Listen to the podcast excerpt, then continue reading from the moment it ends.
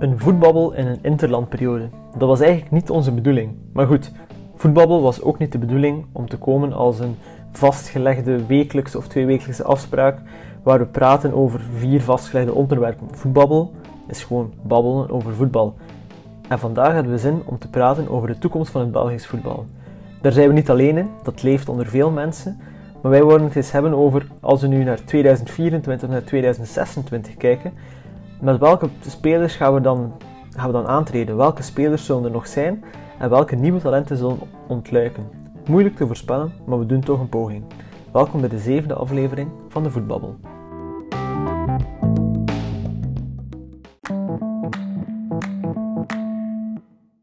Welkom, welkom bij onze zevende voetbabbel. Vandaag zijn we weer met twee. Hakim is bij mij. Welkom, Hakim.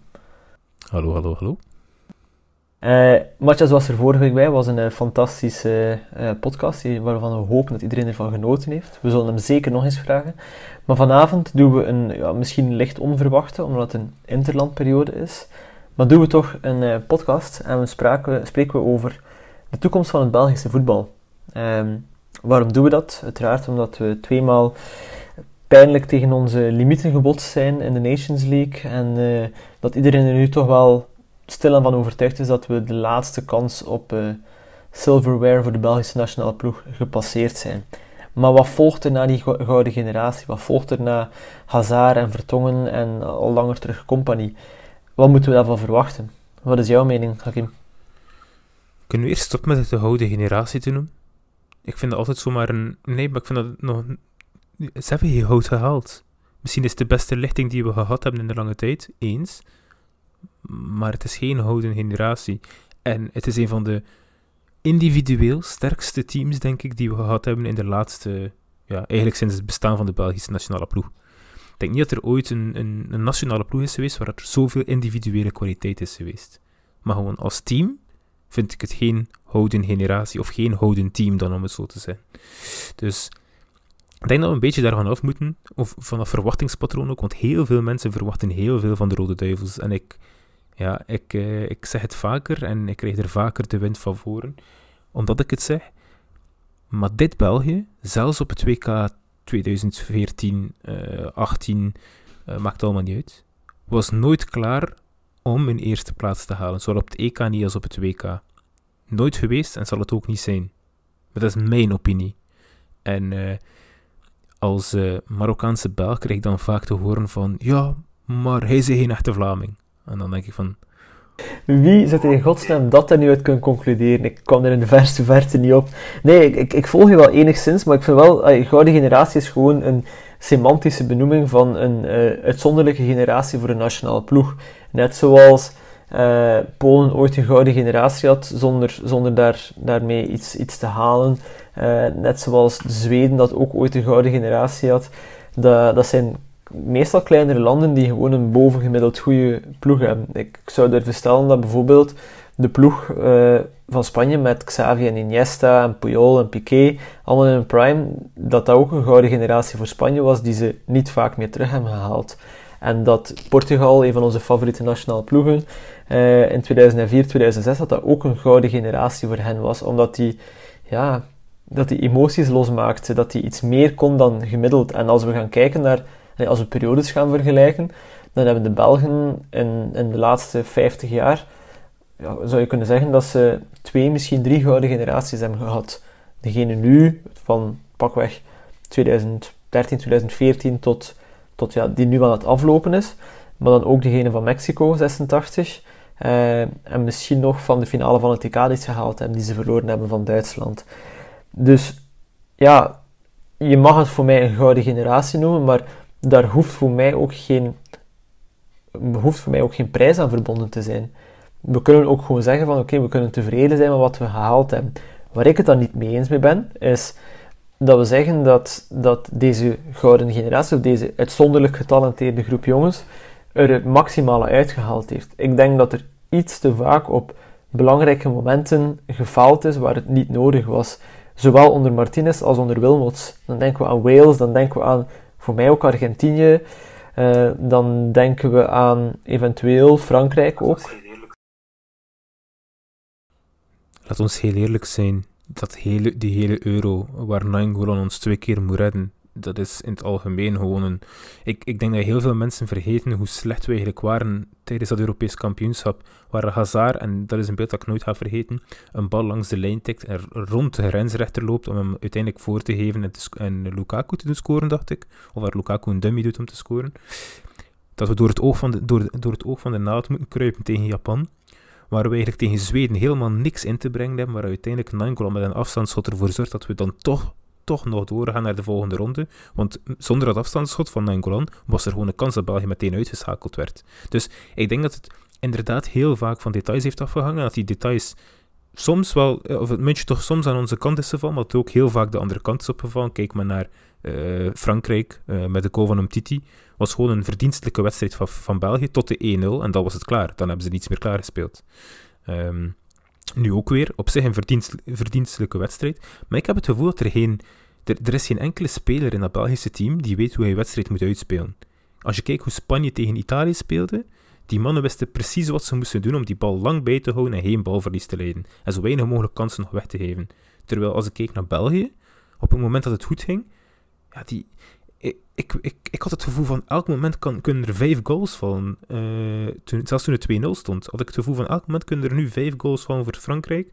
En één goal was genoeg om die hele comeback te, te sparken.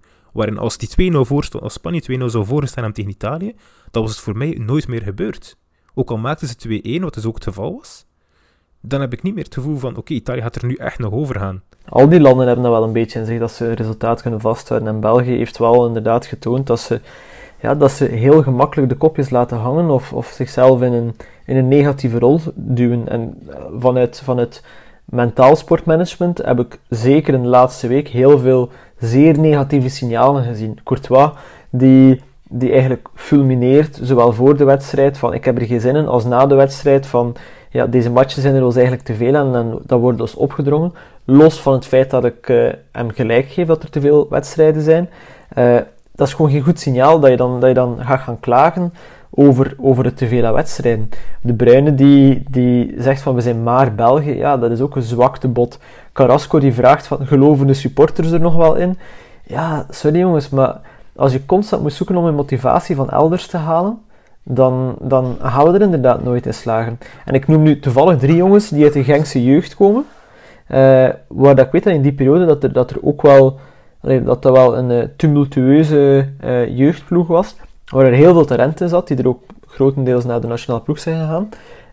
Maar waar dat er ook wel wat qua jongensstreken gebeuren die, die misschien op het randje van een qua jongensstreek zitten. Ehm, ik, ik, zoek naar echte leiders. Ik zoek naar jongens die als het moeilijk wordt er echt voor gaan. En misschien moeten we dan zeggen dat Company dat op zich ook wel had, maar dan fysiek niet, niet die leidersrol kon opnemen. Ja, ik denk dat, denk dat het gemakkelijk is als je zegt gewoon van bij die, bij die drie mannen of in het algemeen gewoon uh, dat het een zwakke mentale uh, heeft is. In mijn ogen denk ik, en dat is echt iets waar ik, waar ik zelf achter sta. Mensen hebben precies, ik heb precies het gevoel van we zijn maar België. Het klopt, jullie, allee, jullie uh, de spelers in dat geval, we zijn maar België. Maar maar België zijn betekent niet dat je, zo meteen, dat, dat je sowieso die wedstrijd verloren hebt. Zoals je ook zelf zegt, Courtois heeft deels gelijk, wat hij zei over dat er te veel wedstrijden waren. Daar ben ik het helemaal mee eens. Maar aan de andere kant, wat dan ook weer helemaal van de pot gerukt is, is het feit dat hij, speelt deze wedstrijd. Ik denk eerlijk, als ik een Kasteels op doel hadden gezet, dat er niet zo heel veel verschil ging geweest zijn. Misschien, had, uh, misschien hadden ze dan met 3-1 verloren, want ik, zie, ik herinner me wel één echte hele zieke redding van Courtois. Maar als het niet gezegd dat Kasteels niet doet. Hm?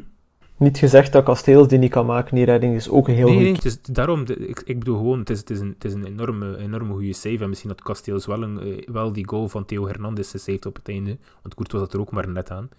Um, scheelt ook niet veel.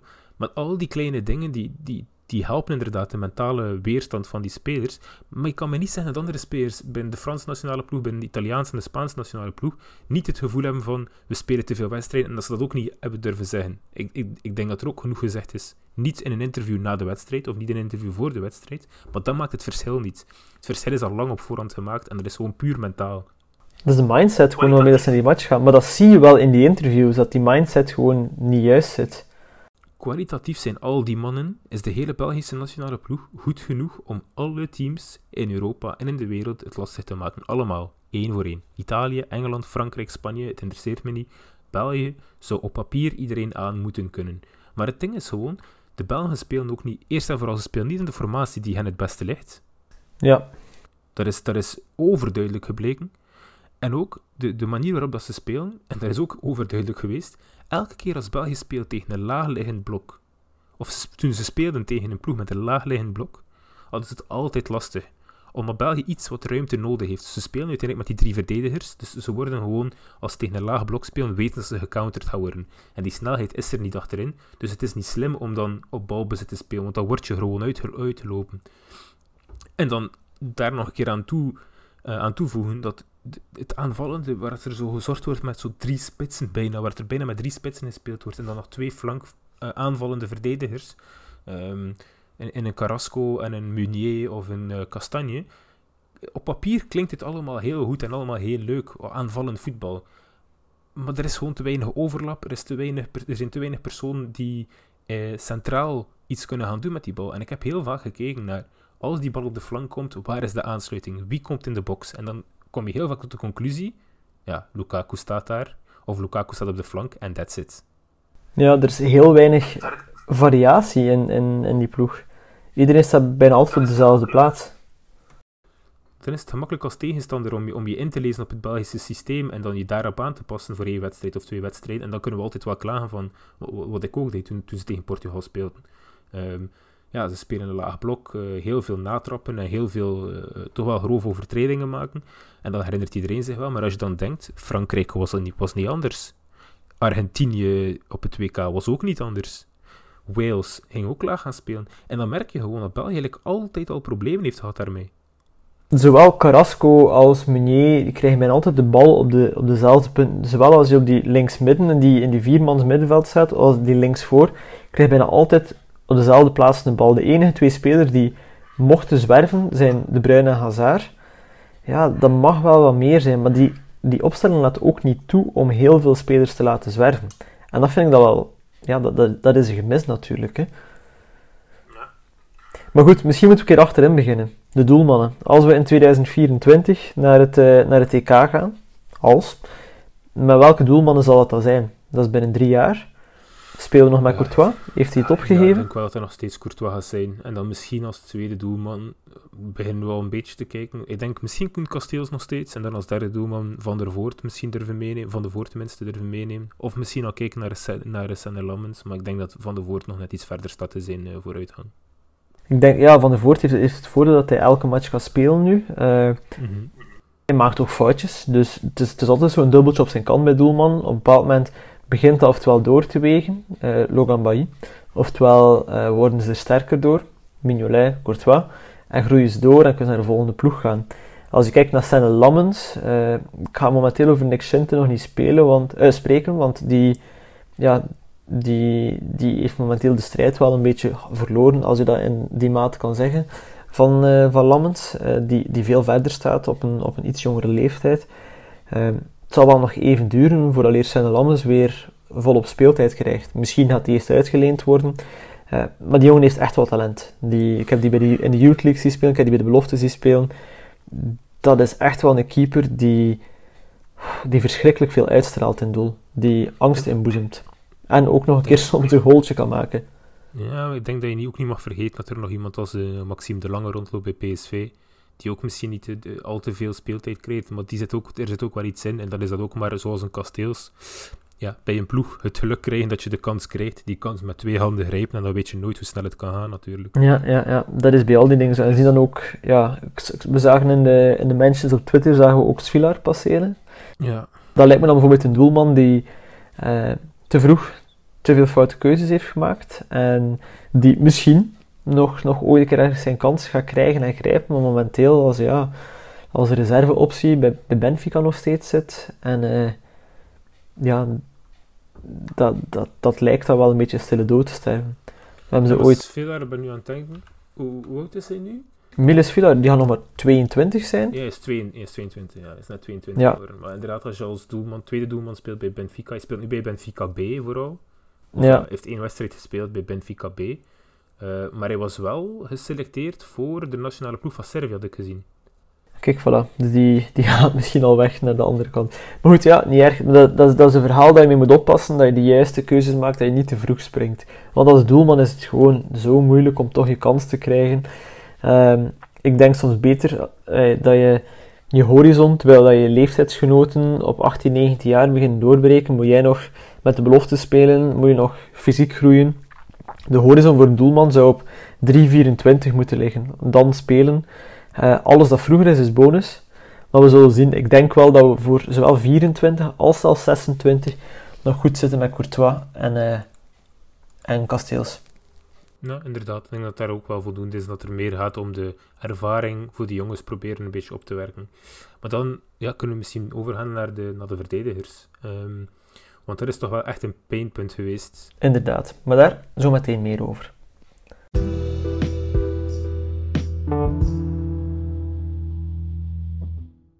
Oké, Oké. de verdedigers dan maar. Ja, Eh, het pijnpunt, zoals ze zegt, bij de Rode Duivels, eh, ook bij de Belgen in het algemeen. Ja, om te beginnen, de man van wie het misschien wel moet komen en waar we allemaal een beetje op hopen, Zinio van Heusden. Ja, ja. Ik, durf er niet op bouwen. Eh, alleen natuurlijk, we hebben ook een generatie in de verdediging op compagnie gebouwd en dat heeft ook gewerkt.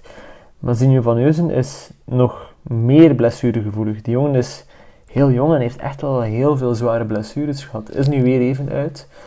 Anders had hij volgens mij nu al een basisplaats. Ik denk dat een fitte van Heusen momenteel meer bijbrengt dan De Naaier of Alderweireld. Misschien zelfs dan, dan Vertongen.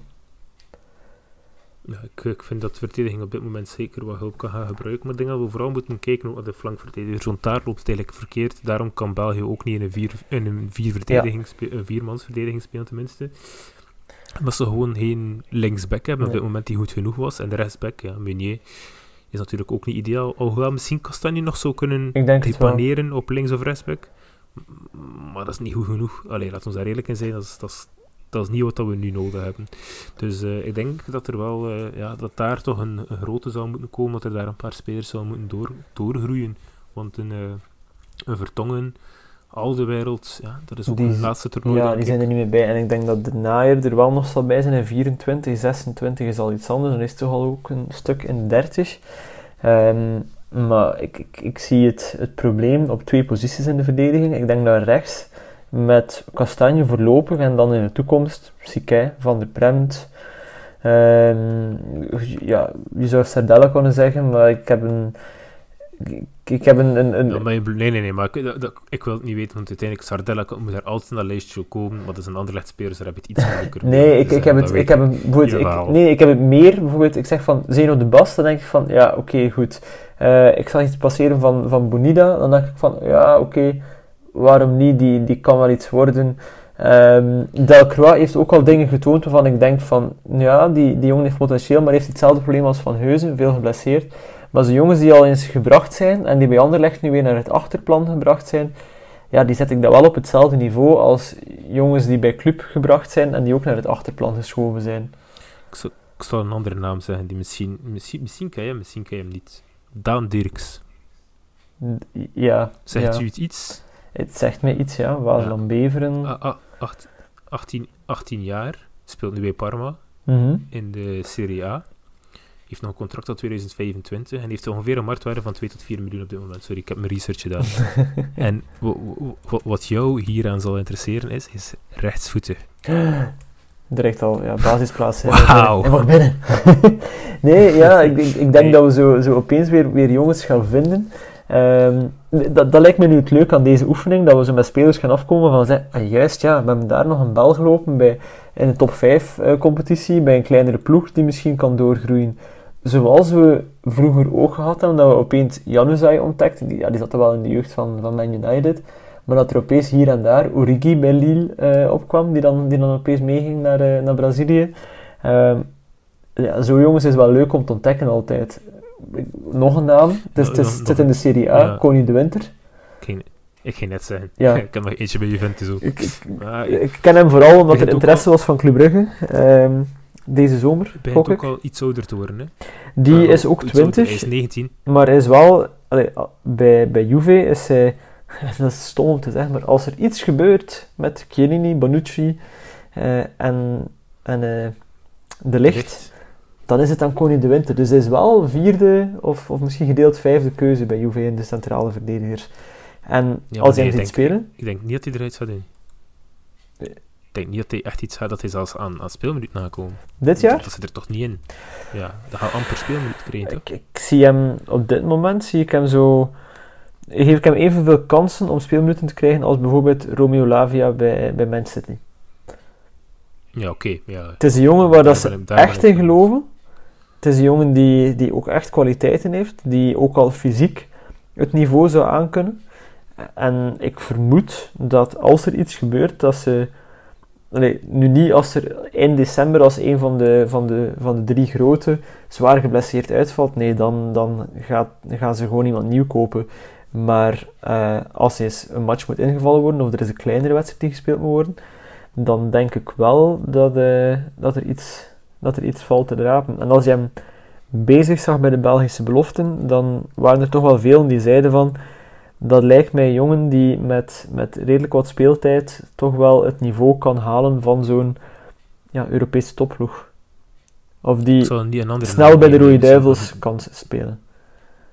Ja, ik zal een andere naam geven die misschien nog, ook nog niet heel bekend klinkt. Antef Tsongi. Centraal verdediger bij Brighton en Hove Albion. Oké, en wat Ehm, weten ik we van Antef? Ik heb er een shortlist bij gehaald. En ik heb even gekeken naar dus de grote talenten binnen de Premier League onder 21. Mhm. Degene met de meeste potentieel volgens footballtransfer.com. Eh, we zijn niet gesponsord, dus eh, laat het eh, geen data zijn waar we, We ons zijn- we volledig op zullen bouwen, maar we er toch wel iets uit kunnen halen. Als we kijken op de eerste plaats hebben we Mason Greenwood samen met Saka, Fofona, Hudson Eh, een beetje de typische naam die iedereen een beetje kent. Harvey Elliott zit daar ook tussen, Curtis Mhm. Jones, Brian Gill, Billy Gilmore, Martinelli, Carvalho. Dus de standaard eigenlijk, ja, de, de, de opkomende talenten. En op nummer 25 in de Premier League dan staat Antef Tsugi. Oké. Nee, maar, sorry. Ja, je- ja, dan is hij goed, dan is hij goed, dat is waar. Ja, als je zelf bovenspelers, en even op mijn naam moet terughalen, ehm, maar, maar bijvoorbeeld een Amad Diallo, die bij eh, Man United speelt, ehm Ja. Ivoriaan, Ja, zalige. die, die wordt gezien als een, als een topspeler die op komst is aan het komen. Hij staat daar gewoon los boven. Die staat op de 41ste plaats. Ja, Eh, maar zelfs een is Swinkels bij Aston Villa. Ja, tuurlijk, het is maar een ranking, maar het, het, toont toch wel iets aan dat er iets meer verwacht wordt van hem al. En hij speelt bij een ploeg met iets minder goede spelers in- binnen Brighton. Dus is er ook een grotere kans dat hij een kans gaat krijgen. En ik denk dat dat wel, dat wel belangrijk is, want uiteindelijk, ja, je hebt een Louis Dunk, je hebt een Adam Webster, Dan Burn. Eh Lamptey, denk ik ook, kan ook nog een positie zijn. Ja, maar die zit meer rechts, hè. Die zit meer rechts. Ja, dus, dus uiteindelijk heb je er ook niet heel veel aan. En een Kukurea, die, dan, die er nu bijgekomen is, die ook wel eens durft op linksback spelen. Maar uiteindelijk, heel veel verdedigers hebben ze daar niet. En ik denk als er echt één verdediger uitvalt, dat hij ook wel die kans gaat krijgen. En hij wordt ook gewoon net iets meer al aanzien als een speler die er wel door zal komen. Eh, ik, ik kende hem niet tot voor ik, tot voor ik mijn shortlist maakte. maar ja, blijkbaar is het toch wel een speler waar we voor moeten uitkijken. Ja. En eh, ja, dat zal ik ook wel doen. Maar ik kende de winter ook niet zo. De koning de winter. Ja, ja. kende ik niet zo goed. Tsongi kwam, kwam blijkbaar trouwens uit het, eh, het, het jeugdacademy van eh, Chelsea. Dus eh, Hm. ja, goed. Niet dat dat een... eh, dat, dat, dat, dat dat betekent dat hij daar een top is, maar er heeft toch iemand iets in hem gezien in, eh, in de tijd. Ja, en ik, Als we- misschien een speler dat ik er ook nog bij neem, Mhm. en waar we nog niet, ook niet, niets over hebben, zegt Cana, Marco Cana. Ja, ja. Die, Ik Die vind, is ik vind nog op heel jong. slechte speler. nee, die heeft iets. Ja, maar ik weet... Dat is hetzelfde, dan kan je ook bijvoorbeeld Mbamba zeggen. Dat is ook een, een zes die ook in de verdediging Tuurlijk. gespeeld heeft. En dan, dan gaan we heel ver terug. Ik, ik- ja, een uh, Spileers die momenteel bij de belofte van Club Brugge nog maar zit. Mm, Die wordt ook een heel grote toekomst van voorspeld, maar dat kan je momenteel echt nog niet weten. Je weet niet wat hij Nee, de klopt. fysieke en de mentale ontwikkeling gaat maken om op een topniveau te spelen. Als we misschien iets meer gaan kijken naar een, een iets oudere speler, die, waarvan dat we eventueel kunnen denken dat hij dat die meer ja, leidende rol kan opnemen in 2024, ehm, dan kunnen we iemand, naar iemand kijken met een dubbele nationaliteit eventueel. Van Leeds United, Hmm. Pascal Struik. Dat was zo even zo een, eh, een, een heel tof berichtje. Eh, een, ja, een paar maanden geleden. Zo van, neemt Martinez Pascal Struik mee naar het TK. Dat is dan een stille dood gestorven. Maar ja, als je dan toch een, een centrale verdediger nodig hebt, blijft toch wel speelkansen krijgen. Bij Leeds die het wel moeilijk heeft. Maar goed, op zich, we hebben een paar jongens waarvan dat we denken, die hebben een grote toekomst, maar zijn blessuregevoelens. We hebben een paar jongens waarvan dat we denken, die kunnen moment, eh, mogelijk binnen een paar jaar goed zijn, maar we weten niet of dat ze in die positie gaan terechtkomen. We hebben op rechts hebben we met Sikin van der Bremt en, en Sardella ook drie keuzes die alle drie wel iets kunnen, kunnen doen. Um, Eén ervan gaat wel doorbreken. Hè? Sowieso, dat denk ik ook. Links blijft dan wel een beetje het, uh, het pijnpunt. En dan moeten we al gaan kijken naar de speler van de beloften van Lyon, Heritier de Jonge. En daarna gaapt wel een beetje je gat. Of jij had, je had uh, daarnet off the record over Maxime de Kuiper gesproken. Ja. Ik vind Max zalig. Uh, begrijp me niet verkeerd. Ik heb met die jongen al fantastische vrije trappen zien scoren. En bij Westerlo is hij nu een basisspeler, maar ik hoop dat hij, dat hij zijn, allee, zijn pijnpunten, aan zijn pijnpunten kan werken om klaar te zijn voor het uh, ja, grote mannenvoetbal. Je zullen het moeten zien, maar ik denk in ieder geval dat met deze mannen dat er wel iets te doen is, dat er wel een paar mannen zich echt gaan, gaan profileren. Als we nu al jongens hebben die toch al in een uh, behoorlijk goede ploeg spelen, binnen een goede competitie, dan kunnen ze er alleen maar uit leren natuurlijk. En je kan nooit weten wanneer er iemand uh, plots oppopt tot en ja, voilà. ontpopt. Tot, als tot een als pakweg een, uh, onze, onze Bright, ik ben zijn naam alweer Tsongi. Tsongi. Uh, als Tsongi uh, zich, zich opeens volgend seizoen opwerpt als een, een, complete verrassing in de Premier League en bij Brighton het einde van het seizoen een transfer afdwingt naar, naar Chelsea om Antonio Rudiger daar uit de ploeg te gaan spelen, ja, dan zeggen we allemaal van, kom, waarom hadden we dat niet gezien? Maar dat weten we nu niet. Mm Het zal bij alles zo zijn. Het is dat. Dus, dat zijn dingen die moeten komen. En ja, wat ook nog moet komen is het middenveld van België, want ook daar zijn er echt enorm veel mogelijkheden. En veel verschillende type spelers. En misschien ook wel het meeste potentieel van onze vier linies. Maar daarover meer na de jingle.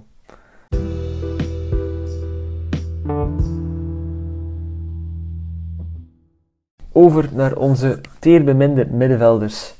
Axel Witsel wordt al wat ouder. Tielemans beleeft misschien een minder seizoen en uh, wordt gemakkelijk met alle zonden van Israël overladen. Hij is nog altijd uh, vrij jong, dus hij zal er normaal gezien nog bij zijn.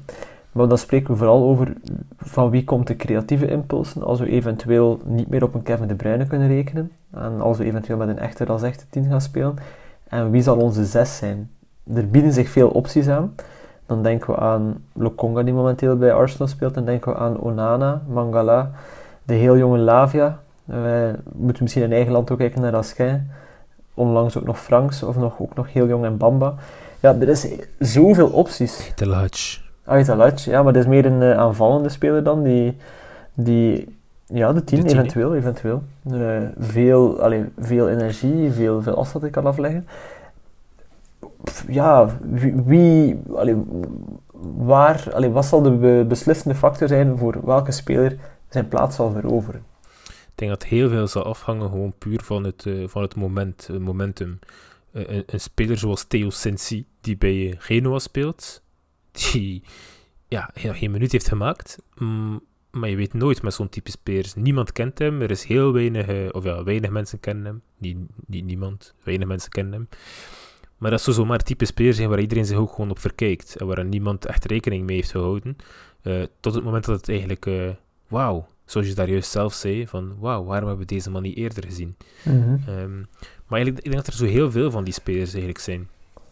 Uh, als we ja. ook gewoon kijken naar, een, naar, de, naar onze noorderburen, Lutonda, Van der Meulen, dat zijn spelers die spelen bij, bij de Nederlandse eerste, tweede klasse, uh, die daar minuten maken.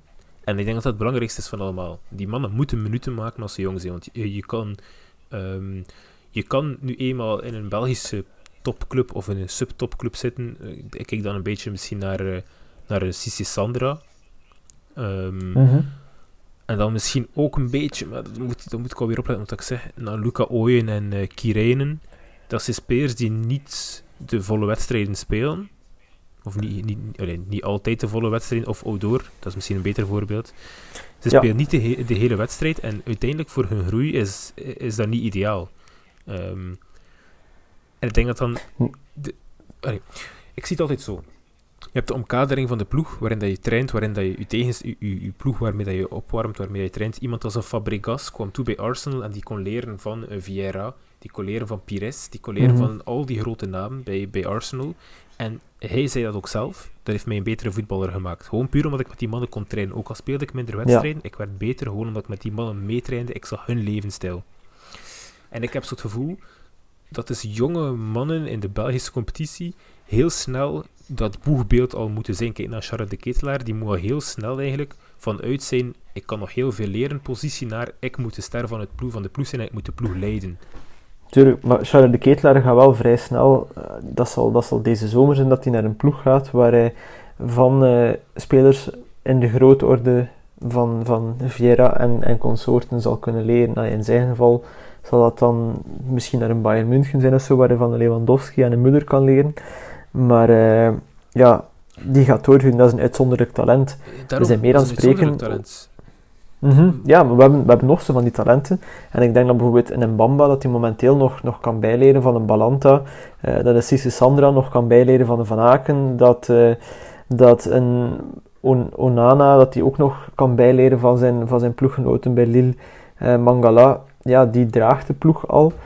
Wat, wat hebben we liefst? Willen we een speler die al op jonge leeftijd de ploeg draagt? Willen we een speler die verrast? Willen we een speler die eerst nog wat kan bijleren? Ja, het is, het is een moeilijke vraag. Wat ik wat ik in de, vanuit de jeugdwerking van club altijd meegekregen heb, is dat je op jonge leeftijd dat je spelers moet de kans geven om een keer tegen de muur te botsen. Niet te lang dan, maar dat betekent als een speler bijvoorbeeld in zijn leeftijdscategorie top is, dat hij naar de volgende leeftijdscategorie gehaald wordt, waar dat hij met zijn kwaliteiten eigenlijk niet meer de beste is, om te tonen van, oh, ik ga het op talent alleen niet, niet kunnen. Dus ik ga nog wat harder moeten werken om die volgende stap te zetten. En zo kunnen jongens snel evolueren. En zo kan een Mbamba op zijn 16 jaar zijn debuut maken voor de Belgische, eh, voor de Belgische, voor de Brugse eerste ploeg. Eh, alhoewel dat hij, dat hij maanden ervoor nog, nog zijn debuut moest maken voor Club Next.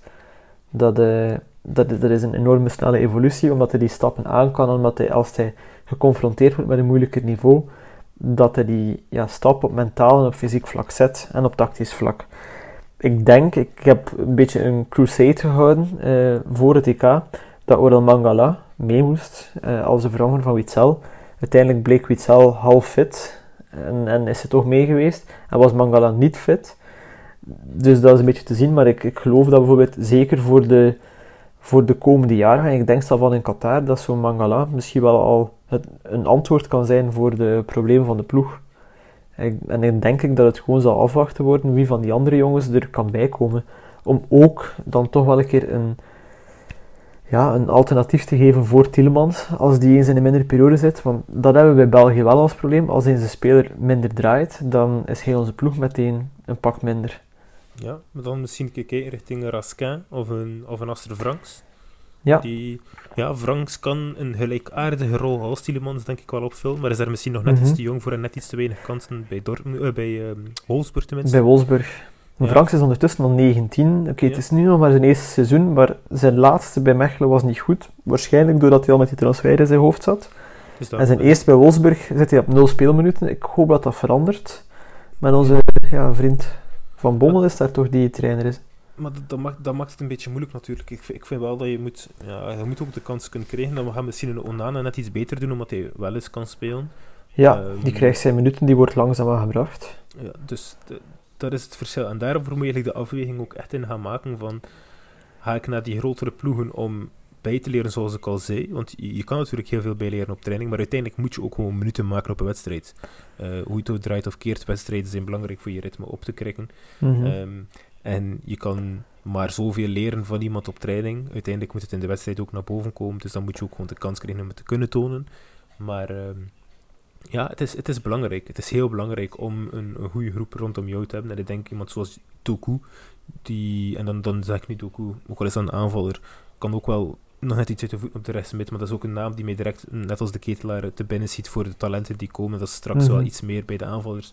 Ehm, maar iemand als een Raskin, oké, van, wie moet hij, van wie moet hij echt iets leren bij die ploeg van Standaard? Ik denk dat, je niet veel mag meenemen, behalve het Ba- natrappen. Hij moet al veel te meestal. lang eh, leider zijn en, en ik, ik vind Raskin wordt slechter. Ja, precies. Eh, en dat is Die wordt echt gewoon je- slechter. Je je zit de beste speler in je ploeg, je ploeg draait niet. En er is Mhm. een speler die die, ik denk als je Raskin, eerlijk, eerlijk, eerlijke opinie, hè. ik denk als je Raskin meeneemt en je laat die leren bij, bij United van een Pogba en van een, van een Matic, en ik zeg nu maar iets, hè, die, ja, die of kan zelfs niet op dat niveau, mag, mag die, kan, die, kan het zijn, hè. die kan het niveau niet aan, maar zet die man bij een Pogba, of in, het- zet hem in de Franse nationale ploeg, met zo'n Chouameni. Op ik training, op training. Ja, op training. Hè. Ik denk oprecht Ja. dat een Raskin die omcirkeld is door een Chouameni, Conte, Pogba, dat die oprecht Chouameni gewoon is heel trouwens goed een wordt. heerlijke speler. Echt een heerlijke speler. Ja, maar dat is, dat, is, dat is een speler waar je echt iets van gaat leren ook. Ja. Want die hebben allemaal En een unieke zijn- stijl. Ja, maar die, zijn, die is dezelfde leeftijd als, eh als Raskin, Chouameni. Die, die zijn ongeveer van dezelfde generatie. Het kan, kan er misschien één jaar naast zitten, maar ja, die jongen is bij Monaco doorgebroken en is nu hup, direct in de Franse nationale ploeg. En dat niveau is gewoon goed genoeg. Dan heb je dan nog Camavinga bij die Franse nationale ploeg. Die gaat naar Real Madrid. Dat niveau is goed genoeg. Ik denk oprecht, als we... eh, Sam- Samuel Bastien, die is ook... Daar spreken we nu zelf niet over, die is al wat ouder. We gaan ook nog jongens hebben die momenteel ouder zijn. Oké, Leander de Donker, maar dan denk ik dat het niveau een beetje tekort komt, dat dat een doublure is die er daarna misschien wel uit gaat vallen. Ik hoop niet dat dat het niveau is dat onze nationale ploeg naartoe gaat. Maar we hebben zo jongens die nu in België spelen, Raskin en Bastien, die bij een ploeg zitten waar het, waar het echt niet draait, waarvan je denkt van, spelen die of zitten die in de kern bij Wolfsburg of bij Monaco of bij Real Sociedad, ja, dan, dan zitten we over hen te spreken zoals wij nu over Lavia en Mangala en Onana spreken. Van, Ja, wauw, dat zijn de gasten die komen. Nee, maar Dus ik, ik hoop ook gewoon voor hen dat ze die kans gaan krijgen en dat ze misschien ergens naartoe kunnen gaan. En nog zo'n speler waar ik ook wel eh, to- toch wel een, een, een beetje een fan van was. Ehm, maar dat is misschien iets meer door de, door de haren en door, de, door het postuur Ngoy. Mm, Nathan Ja. Ngoy wel, weliswaar. ja, ja, ja, niet Julien Goy. Nee, nee, nee. Nathan Ngoy. Daar ben ik, ook wel, Eh, ben ik ook wel fan van eigenlijk. Ik, ik vind dat echt een speler. En als ik die zie spelen, denk ik mezelf van... Hm. Dat is ook iemand die gewoon echt met beide benen de bal kan ja, behandelen, om het zo maar te zijn. Want ik kan niet zeggen dat hij de beste eh, lange bal heeft of de beste, de, de beste paas. Maar je kan gewoon met beide benen kan, kan hij iets met de bal. En het is gewoon een speler, in, mijn ogen, net als zo'n een, een Bastien van Raskin, die een wedstrijd puur door hun enthousiasme kan doen keren. Gewoon puur omdat ze zo in de bal bijten en blijven ervoor gaan. En dat kan eigenlijk een wedstrijd volledig doen kantelen. En ik heb het gevoel dat we dat bij België net iets te weinig hebben in de nationale ploeg. Niet dat dat is dat we vorige de week over hadden. Hè? Ja, Vorige week hadden we het ook over. En, en bij Standaard is gewoon het probleem dat als je... Het is heel moeilijk om naar talenten in die ploeg te kijken momenteel. Ik denk dat de echte scouts daar wel beter zullen in zijn. Maar als je nu naar talenten in die ploeg krijgt... Balikwisha had ook niemand zo hard in de mot vorig jaar. Hè? Gewoon omdat je... Je wordt overspoeld door al die miserie die die ploeg overstroomt. Ja Dat, klopt eh, de, en, dan, en dan is het moeilijk om nog echte talent te gaan onderscheiden, want er is niemand van 18 jaar die daar die ploeg echt recht houdt. Die ploeg verzuipt gewoon elke match opnieuw. En het wordt telkens erger. Zet Charlotte de Ketelaar bij standaard en die, die bloeit ook niet de speler dat hij nu is. Eh, Nee, dat hangt natuurlijk zeker ook niet. gewoon af van, van je team. En dan kijk ik ook naar Jari moet- Verscharen.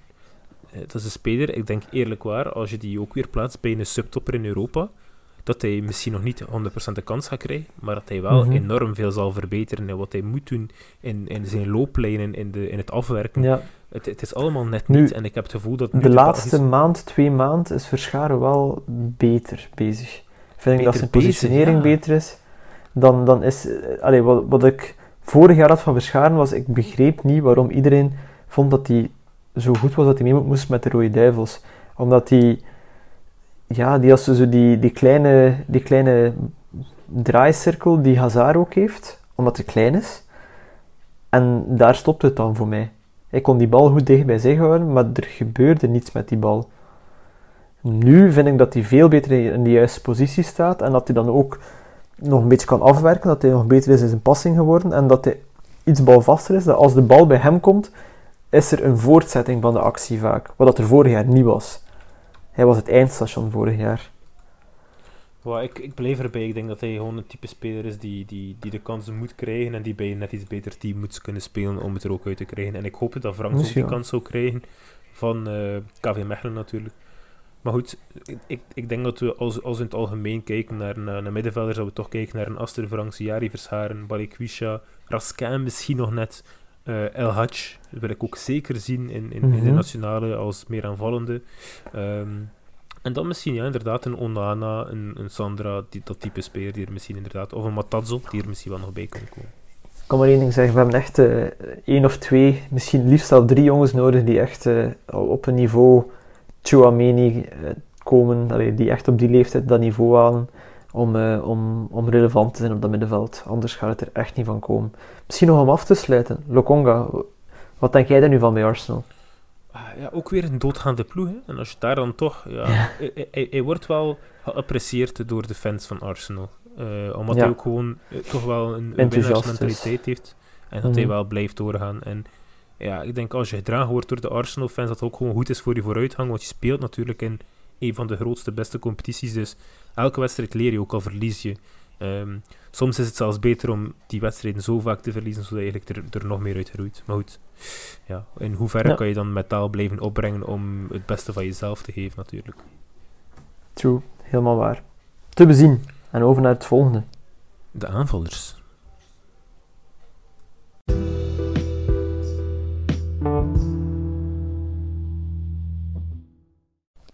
Ja, het laatste segment, Karel. Aanvallers.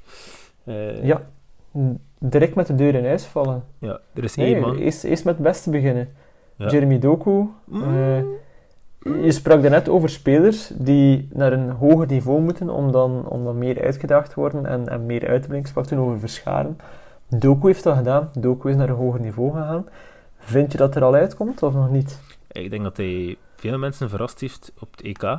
Dan praat ik vooral over buitenlandse, mm buitenlandse kijkers, mensen van Engeland, mensen van Italië, mensen van Frankrijk. Well, Frankrijk net iets minder Span Spanjaarden misschien. Maar ik heb heel veel eigenlijk internationale, en dan praat ik vooral over de FIFA-spelers. Uh, die vonden Doku gewoon zalig om te kijken. Snelheid, een dribbel, durfde een man op te zoeken. Ja. En, en dat vinden ze heerlijk. En dat heb ik ook een beetje met Pinot bij Spanje. Als je nu kijkt naar de Nations League, ik vond dat een geniale speler ja, om te ja, zien. De manier waarop hij een bal behandelt, de manier waarop hij die bal sleept, wegdraait bij de man. Ik vind dat gewoon geniaal om te zien. En Doku heeft dat ook iets wat. Mhm. En vooral die explosiviteit na die dribbel, vooral zit er heel hard in. Um, ja, ja, ja. Juist nog het eindproduct ontbreekt. Ja, maar ook dat is niet super slecht. Als je kijkt naar, ik dacht tegen Italië dat hij naar binnen kwam en dan van heel ver eigenlijk aanlegt dat hij net over de lat gaat. Uh, het is niet slecht, mm -hmm. het, is, het is niet geniaal, maar het is ook niet slecht. En uh, ik denk dat het bij Doku... Nee, maar eindproduct betekent voor mij niet naar binnen gaan en dan aanleggen en net over de lat schieten. Dat, dat kunnen we allemaal twintig keer proberen. Eindproduct is een, in een positie komen waarvan dat je weet, tactisch kan ik hier nu een, een vrij simpele pas geven uh, of, of, een, of een schot uh, geven om, om een goal te maken. dat is één product. product is meewerken aan een goal. Dat kunnen we heel eerlijk dan zijn. kijken we naar iemand anders. Nee, nee, nee, nee, nee, maar dan kijken we naar iemand anders. Charles de Ketelaar, die slaagt er wel telkens in, op elk niveau, om ofwel in de scoringspositie te komen, of, of om wel die achterlijn te halen en dan dat balletje terug te geven. De 45 voor een, uh, ja, voor een altijd een heel goede kans. Ik, ik denk dat we nu eh, eh, op gevaarlijk terrein zitten. Want ik denk dat Charles de Ketelaar iets centraler uitgespeeld wordt, waardoor hij ook net iets meer in die posities komt of kan komen en kan gaan duiken, waarop dat Doku net iets meer echt tegen de lijn plakt en vandaar de actie opzoekt om inderdaad een voorzet te geven of om naar binnen te komen te schieten. Ik denk dat de ketelaar net iets centraal... Maar in het hedendaagse voetbal, in het hedendaagse voetbal dat als we spelers willen die echt tegen de lijn plakken, ja, dat, één, dat bestaat bijna niet meer. Uh, twee, die voorzetten zien we toch liever komen van, van rechtsachters en linksachters. Jeremy Doku als rechtsvoor willen we toch graag die, die actie binnenom ook zien maken, willen we toch graag in, in die box zien komen, willen we toch graag dingen zien doen, zodat, zoals Noah Lang ze bij club doet, zoals... Um, I'm scratching my head Ja, moeilijk hè? Uh, Bongonda. Uh, Ito, Ito is nu wel meer man... Ito is misschien het meest vergelijkbaar, ja. maar die gaat ook binnen door, die haalt ook die achterlijn. Ik denk dat die achterlijn is belangrijker dan de zijlijn. Ja, dat, dat, daar ben ik het al wel mee eens. Maar het ding bij mij is dat je, als je de ketelaar met Doku wil vergelijken, dan vind ik niet dat je mag gaan vergelijken op het eindproduct. Uh, ik denk dat Doku nog net iets meer de man is van die explosiviteit op de flank, die dan ofwel een paas in, niet per se een 45, maar die hem terug naar binnen trekt. En waar de ketelaar net iets meer de man is die nog iets dieper staat en nog iets meer centraal voor de mhm. goal, die, die de goals moet maken. Ik heb, ik heb het gevoel bij Doku dat hij meer één man moet uitschakelen en dat dan daarna het verloop verder gaat. Dat hij niet de man is die... Ja, ja, ik, ik, ik geloof wel dat hij, dat hij cruciaal is, een speler als Doku in de ploeg hebben. Je hebt het gezien, uh, vorige tweede seizoen zelf, Club had geen speler met een, met een passeerbeweging en een actie meer, met, met pure snelheid, en toen dat Diatta weg was. Dan, dan, dan breek je wel. een Doku is zo'n speler. Doku is een speler die ja, die, die een explosiviteit heeft die zelden gezien is. Dus echt wel een, een spannend talent. ik denk gewoon dat als hij daar dat, dat eindproduct bij doet, ja, dan, dan spreken we over iemand als Mbappé. Ja, Die- ja ik vind... spreken we over iemand als Sancho. Ja, Sa- Sancho vind ik ook heel overhyped eigenlijk, maar, maar goed. Dat is ook een beetje... Zijn cijfers zijn wel goed. Dat is een beetje toedoen. Ja, nu bij Manchester United hij die cijfers niet, maar dat is ook het toedoen van Dortmund, denk ik. Ja, ook gewoon een ploeg ja. die zo'n speler kan gebruiken en waar het ook gewoon kan draaien. Bij Man United vind ik dat net iets minder. Mm. Daar heb je net iets meer eh, nood aan. Ja, een goede actie is één, maar daarna moet het inderdaad nog gaan komen. Ik denk dat Doku ook niet geschikt is voor de Premier League op dit moment.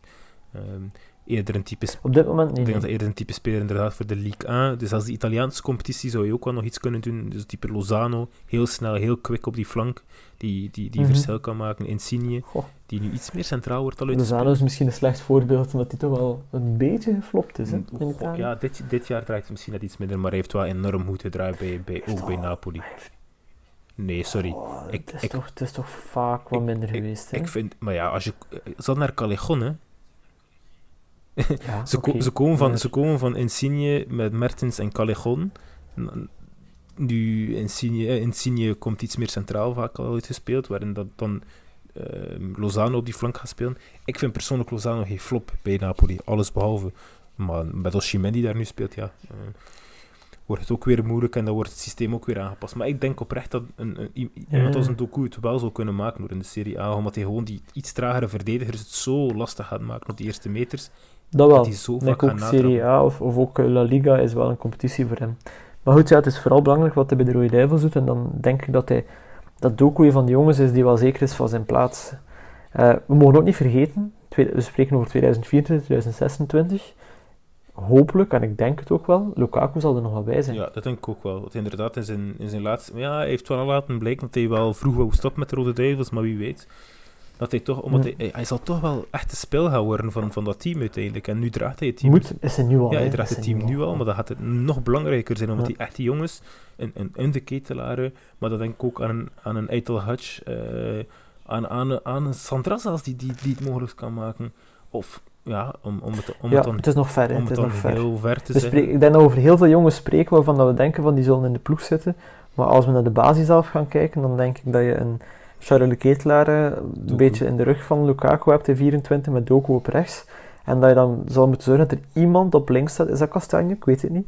Die, die verder kan doorkomen. eh, die in de, in de ruimte die de Ketelaar laat kan duiken. Ja. Ja, nee. Dat is mijn, dat is mijn tactische visie zo'n beetje. Allee, we gaan niet allemaal met jongens spelen die we nu nog niet kennen binnen drie Nee, jaar. natuurlijk niet. Maar het zijn wel Ehm, spelers die erdoor beginnen komen en die misschien een kans gaan krijgen van het, eh, van het team. Ja, Of van Martinez. Maar dat is dan misschien nog voor straks eh, over de Nee, nee, dat is voor straks en dat zal, dat zal niet meer zijn. Dat denk ik ook niet. Eh, een andere speler die misschien op de flanken ook nog kan interesseren is Ramazani, Largi Ramazani. ja, klopt. Dat was... Een Eh, flankspeler die momenteel bij UD Almeria, de eerste uit de Spaanse tweede klasse, speelt. Ja. Komt uit de jeugd van Manchester United, werd ons getipt op Twitter. En, Shout- eh, shout-out ja. Een paar filmpjes. Shout out, indeed. Eh, Een paar goaltjes van gezien. Goaltjes van op de eigen helft. Oké, goed, dat, dat, zijn, dat zijn van die highlights, dat is allemaal leuk. Maar ook wel het, het type razendsnelle, dribbelvaardige speler die gevaar kan creëren. Ja? Moest je erdoor komen, lijkt me wel leuk. Eén op links, één op rechts. Is ook Charles de Ketelaar achter Lukaku. Oeh, is een speler die ook eh, speelminuten krijgt bij leuk. Almeria. En dat is denk ik het allerbelangrijkste Ja, van allemaal. Hij ook krijgt die speelminuten, hij krijgt die kans om zichzelf te bewijzen. En hij heeft drie, drie Mhm. goals op negen wedstrijden. Nu, hij heeft niet de, de, elke keer 90 minuten gespeeld, maar hij krijgt wel heel veel speelkansen. En ik denk, ja. in, een, in een competitie waar, waar ploegen als een ja, Malaga, ehm, maar dan denk ik ook, wat was nog meer? Ja, je hebt aardige wat eigenlijk ploegen nu in de, in de Spaanse tweede klasse. Ehm, ja, het is wel fijn, hè. we, we, we hebben het er eigenlijk vorige aflevering, of is het twee... Is het twee, seizoen, eh, is het twee afleveringen geleden of is het vorige, vorige aflevering? Gewoon, maar maar Huesca, gasten, zeg het ons. Le- Leganes, ehm, de, Girona, ja, Real Sociedad B, Sporting Las Palmas, Eibar, Vallecano, Valladolid. Mallorca.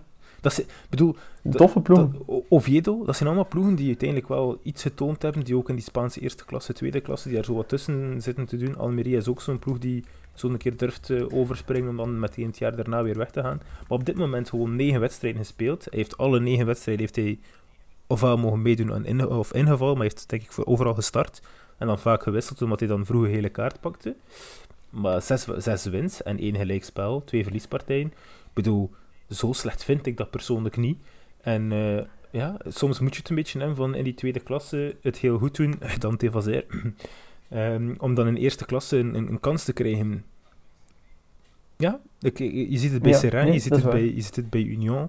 Uh, zijn spelers die in tweede klasse het, uh, het sterk deden en die nu uh, ja, ook in eerste klasse in België het goed doen. En ik denk dat we een beetje hetzelfde kunnen, moeten, mogen verwachten vanuit de Spaanse tweede. Wie weet komt er wel een, mm -hmm. een, een, talentvolle, een talentvolle lichting aan. Ja, je weet nooit.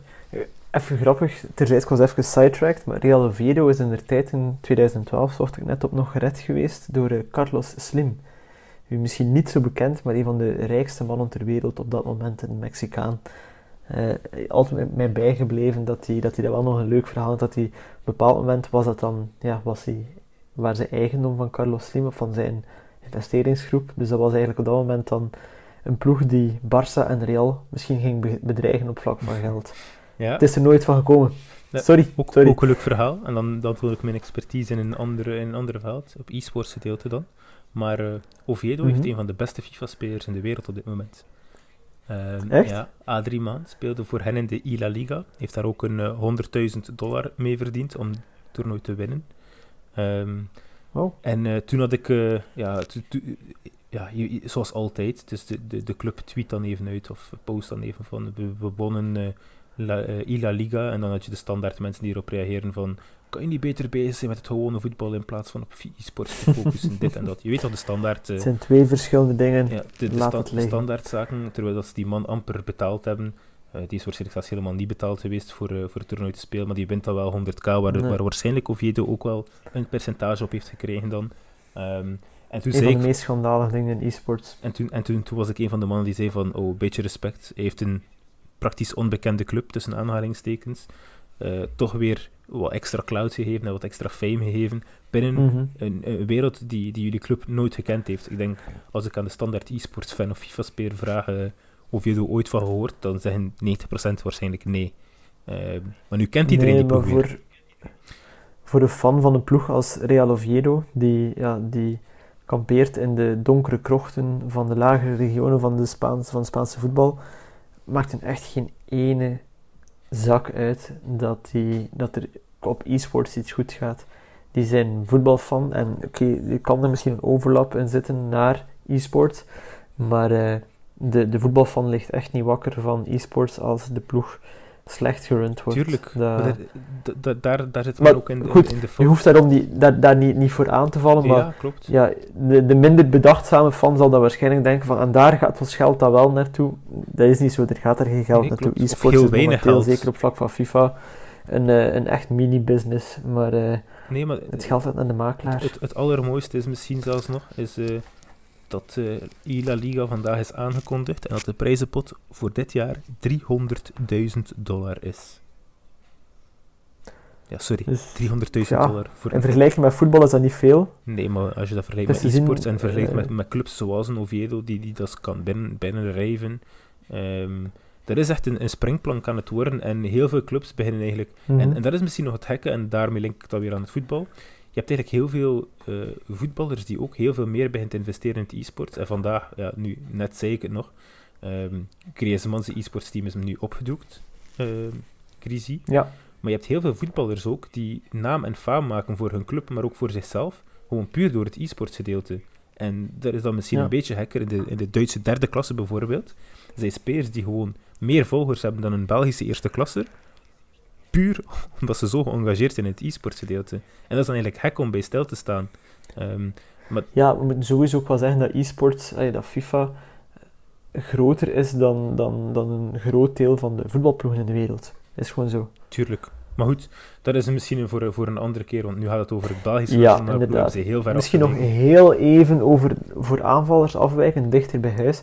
Wat denken we van een Jorbe Vertessen, een Lois Openda of een uh, Michel-Ange Balikwisha? Uh, die de wet van 78 trouwens niet kan gebruiken om te vertrekken met de nationale ploeg. Belangrijk om mee te geven. Ik, ik denk uh, een, een Vertest dat dat wel iemand is die, die, die, die mee kan draaien of kan beginnen draaien samen met Mopenda mm -hmm. in de Belgische nationale ploeg. Um, ze tonen het nu bij de, bij de jeugd, of bij de jeugdploeg, bij de beloften.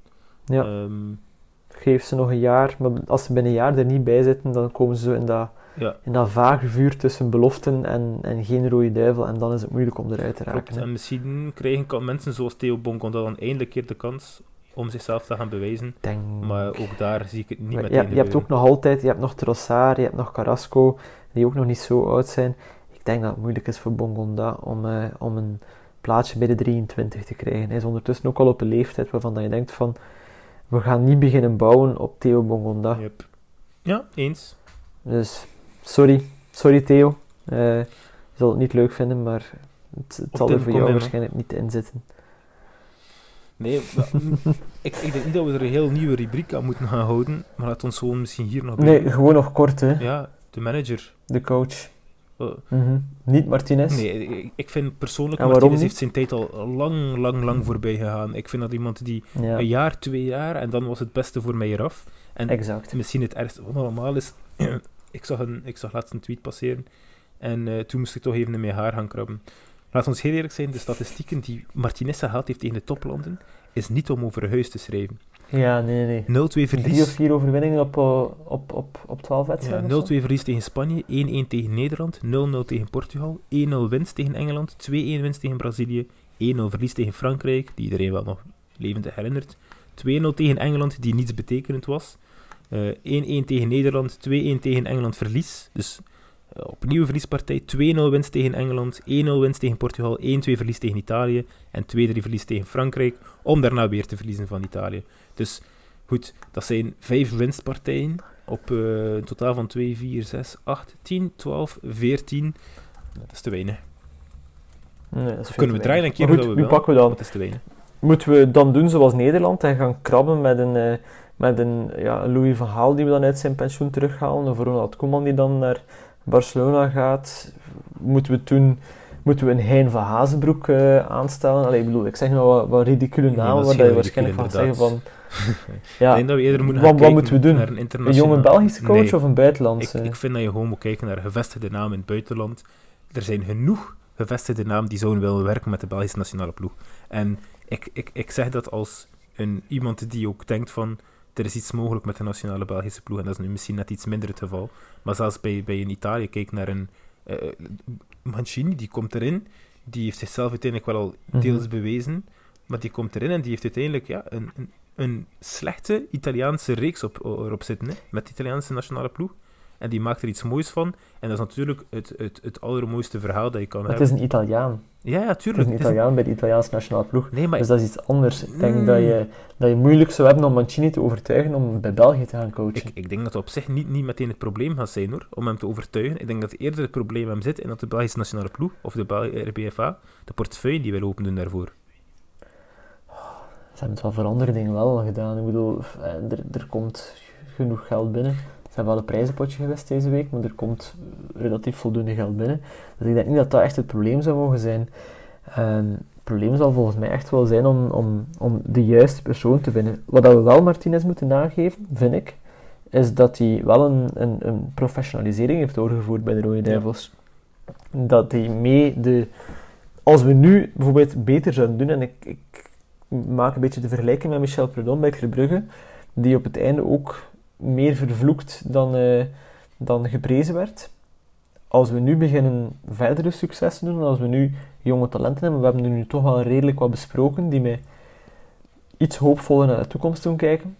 Als we dat nu goed beginnen doen, dan heeft Martinez er wel zijn aandeel in.